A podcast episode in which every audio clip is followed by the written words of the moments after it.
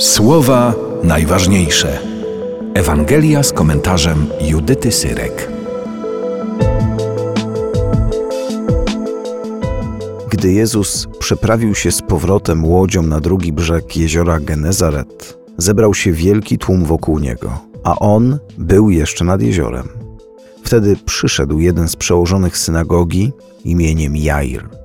Gdy go ujrzał, upadł mu do nóg i usilnie prosił – Moja córeczka dogorywa. Przyjdź i połóż na nią ręce, aby ocalała i żyła. Poszedł więc z nim, a wielki tłum szedł za nim i zewsząd na niego napierał. A pewna kobieta od dwunastu lat cierpiała na upływ krwi. Wiele wycierpiała od różnych lekarzy i całe swoje mienie wydała, a nic jej nie pomogło, lecz miała się jeszcze gorzej.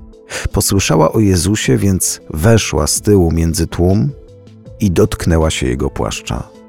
Mówiła bowiem, żebym choć dotknęła jego płaszcza, a będę zdrowa. Zaraz też ustał jej krwotok i poczuła w swym ciele, że jest uleczona z dolegliwości. A Jezus natychmiast uświadomił sobie, że moc wyszła od niego. Obrócił się w tłumie i zapytał – kto dotknął mojego płaszcza? Odpowiedzieli mu uczniowie. Widzisz, że tłum zewsząd cię ściska, a pytasz, kto mnie dotknął?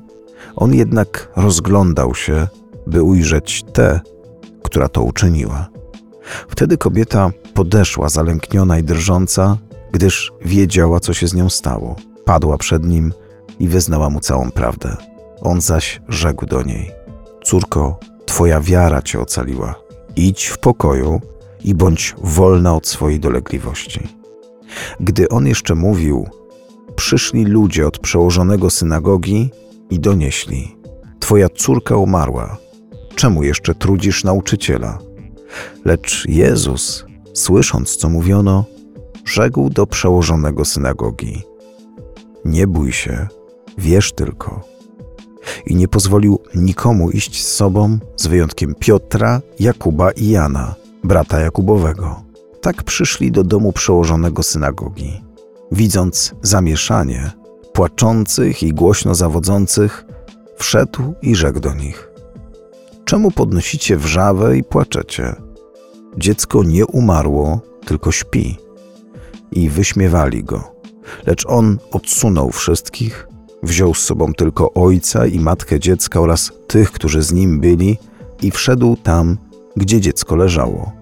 Ująwszy dziewczynkę za rękę, rzekł do niej: Talita kum, to znaczy, dziewczynko, mówię ci, wstań.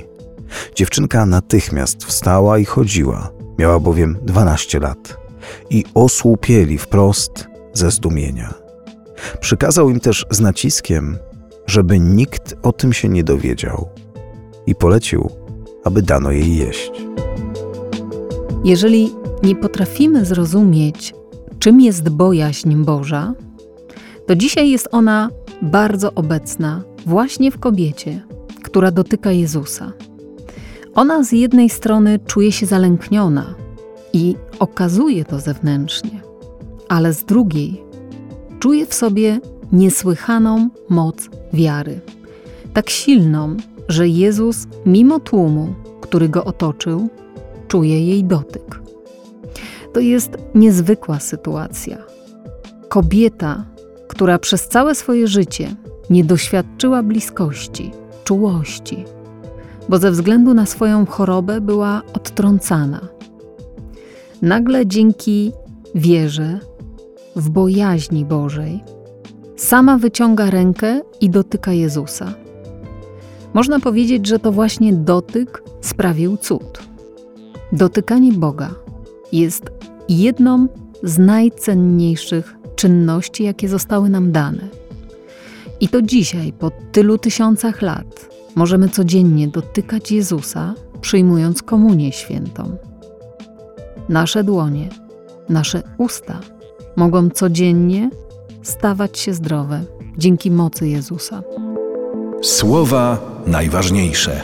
Słuchaj w Radiu M codziennie o 5.50, 6.50, 12.10 i 23.10. Oglądaj na stronie radiom.pl.